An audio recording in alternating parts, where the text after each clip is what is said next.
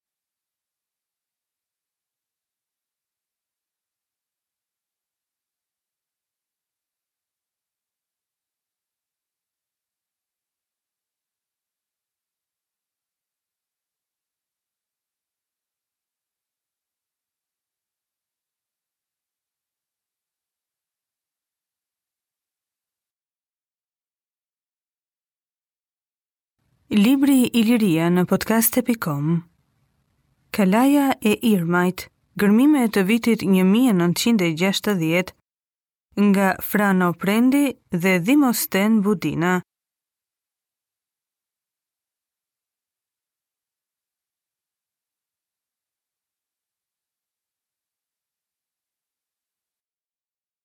Në korrik të vitit 1960, një ekspeditë arkeologjike e Universitetit Shtetëror të Tiranës bëri gërmime në vendbanimin e fortifikuar ilir të Irmajt në rrethin e Gramshit. Me emrin Kalaja e Irmajt në këtë rreth quhet një nga kodrat e bukura të malit të Sulovës, që ngrihet në krahun e majtë të rrjedhjes së mesme të Devollit. Kodra e Kalasë gjendet në juglindje të fshatit Irmaj, larg nja një orë në këmbë. Kodra ka një karakter dominues, nga maja e saj, 979 metra mbi nivelin e detit, syri kontrollon përreth një territor të gjerë. Nga jugu e jugperëndimi, shikimi ndalet tek malet e Tomorrit dhe të Shpiragut. Nga perëndimi, ndiqet nga gjarpërimi i lumit Seman, deri në derdhjen e tij në det. Nga veri-perëndimi, shikimi shtyhet deri te kodrat e Dumresë, kurse nga veri-lindja dhe lindja, kontrollohet një pjesë e vogël e luginës së ngushtë të Devollit, si dhe malësia e Shpatit dhe e Verçës. Kodra është e fortifikuar mjaft mirë nga natyra, veçanërisht në anën lindore, ku shpati i saj ka një pjerrësi të theksuar, që shndërrohet nga juglindja deri në një rrëpirë të pangjitshme.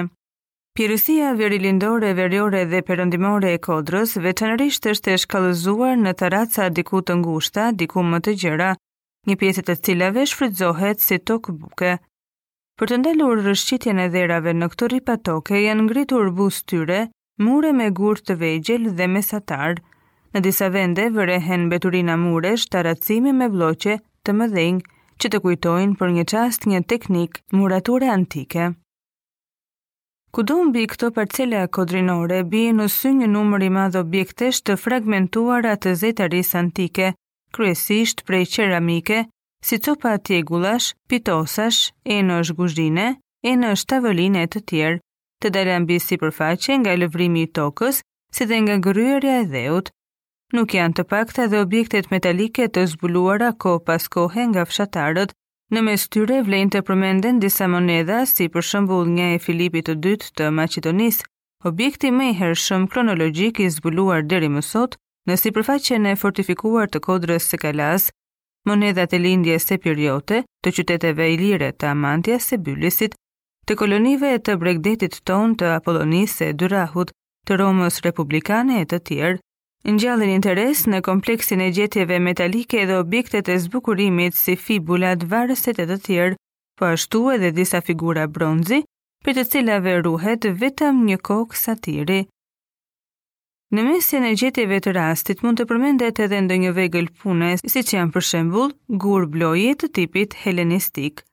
Përveç këtyre mbeturinave të veprimtarisë prodhuese të njeriut të zbuluara rastësisht të tërheqin vëmendjen këtu edhe disa trakte muresh të fuqishme fortifikimi të ruajtura në një lartësi maksimale deri në 2.80 metra në pjesën jugperëndimore dhe veriperëndimore të kodrës, si dhe gjurmë jo dhe aq të qarta të një kulle gjysëmrrethore të ngritur para këndit perëndimor të murit rrethues. Për të parën herë, këto gërmadha të kësaj qendre të banuar ilire u patën tërhequr vëmendjen arkeologëve Ceka dhe Sestieri, të cilët vizituan këtë vend në vitin 1942. Arkeologu italian Sestieri na jep madje edhe një informacion të shkurtër në lidhje me këtë vizitë. Ai e përcakton këtë akropol ilir si një qendër kryesisht me karakter strategjik, që kishte marrëdhënie tregtare me qytetet e tjera ilire e helene të bregdetit tonë. Ai nuk jep ndonjë datë të themelimit të këtij akropoli, por duke u mbështetur në disa monedha republikane të zbuluara në Kalanë e Irmajt, të cilat ai i quan kronologjikisht si më të vona, mendon se kjo fortezë duhet të ketë qenë e braktisur pak kohë pasi Roma vendosi lidhje me Apolloninë dhe Durrahun, domethënë, bas vitit 229 para erës sonë. Gërmimet e para të vitit 1950, siç do të shohim më poshtë, treguan se konstatimet e arkeologut italian kanë qenë të shpejtuara. Në vitin 1959 e vizitoi Kalanë e Irmajt edhe Prendi. Ai pa dhe mundësinë e një gërmimi të frutshëm në këtë vend. Ky gërmim u realizua me sukses një vit më vonë. Duke nisur gërmimet në këtë vendbanim të fortifikuar ilir, ne vendosëm të hapim që në fillim një sipërfaqe të vogël, me qëllim që të orientohemi për karakterin e shtresave kulturale të depozituara në të dhe të fitonim sadopak të dhëna mbi jetën dhe kulturën e këtij vendbanimi në një ose shumë periudha të zhvillimit të tij historik. Si vend për të gërmuar zgjodhëm një tarracë të vogël në perëndim të kodrës me një sipërfaqe të rregullt drejtkëndëshe, e cila kufizohej nga juglindja dhe veriperëndimi me mure rrethimi, kurse nga verilindja me një mur tarracimi antik, nga i cili i dalloheshin mbi sipërfaqe vetëm disa blloqe dhe ato të lëvizura nga shtyrja e dheut. E zgjodhëm këtë vend edhe për një arsye tjetër, pasi në pjesën e sipërme të murit juglindor sapo dukeshin konturet anësore të një porte, zbulimi i së cilës paraqiste një interes të veçantë në studimin e sistemit të fortifikimit të qytetit. Sipërfaqja e këtij rripi të ngushtë toke mbulohej nga një bimësi e dendur dhe nga një sasi e madhe fragmentesh qeramike, të gjitha këto shenja që na bënë të bindemi për praninë e një shtrese të pasur kulture. Orientimi i gërmimit u dha sipas drejtimit të vetë tarracës që zgjatej nga juglindja në veriperëndim, sipërfaqja e kësaj tarrace nuk ruante të njëjtin nivel në të gjithë shtrirjen e saj. Në gjysmën jugperëndimore, ajo ishte e sheshtë, kurse në gjysmën verilindore, ngrihej duke formuar kështu një pjerrësi të theksuar që mbështetej në murin e tarracimit. Sektori i caktuar për gërmim u nda në 10 kuadrate, Rrjeta e kuadrateve nuk u zgjat përtej mureve rrethuese pasi nuk kishte shtresë kulturale. Dheu i shtresës së parë, në përgjithësi paraqitej subargjilor, i shkrifët dhe i lagësht. Dheu i shtresës së dytë paraqitej subargjilor, me një ngjyrë më të çelët. Kjo shtresë përmbante materiale të përziera kryesisht helenistike dhe romake perandorake. Përmes materialeve të zbuluara, si edhe nëpërmjet mbeturinave arkitektonike, dalluam në sektorin e gërmuar elemente të periudhave të ndryshme historike e kulturale, nëpër të cilat u përshkua edhe vetë jeta e këtij vendbanimi të urbanizuar ilir, që nga shekulli 4 para erës sonë, deri në shekujt e parë të erës sonë. Periudha midis shekullit 4 dhe gjysmës së parë të shekullit të dytë para erës sonë. Kësaj periudhe i përkasin kryesisht mbeturinat e mureve të rrethimit, si edhe një mur tarracimi.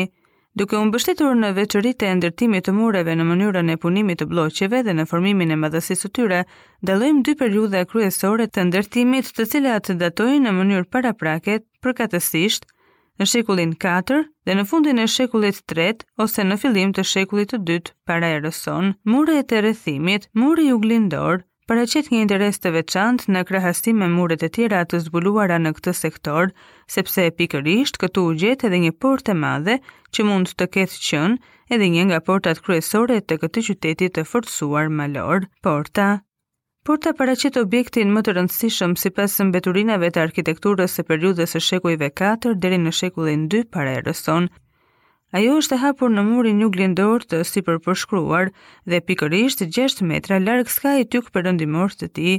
Përpara gërmimit, porta nuk dukej thuajse fare, Ajo u gërmua thellë deri në gurët e themelit të vendosur drejtpërdrejt mbi shtresën shkëmbore me një pjerrtësi të shkallëzuar që zbret në drejtim të daljes.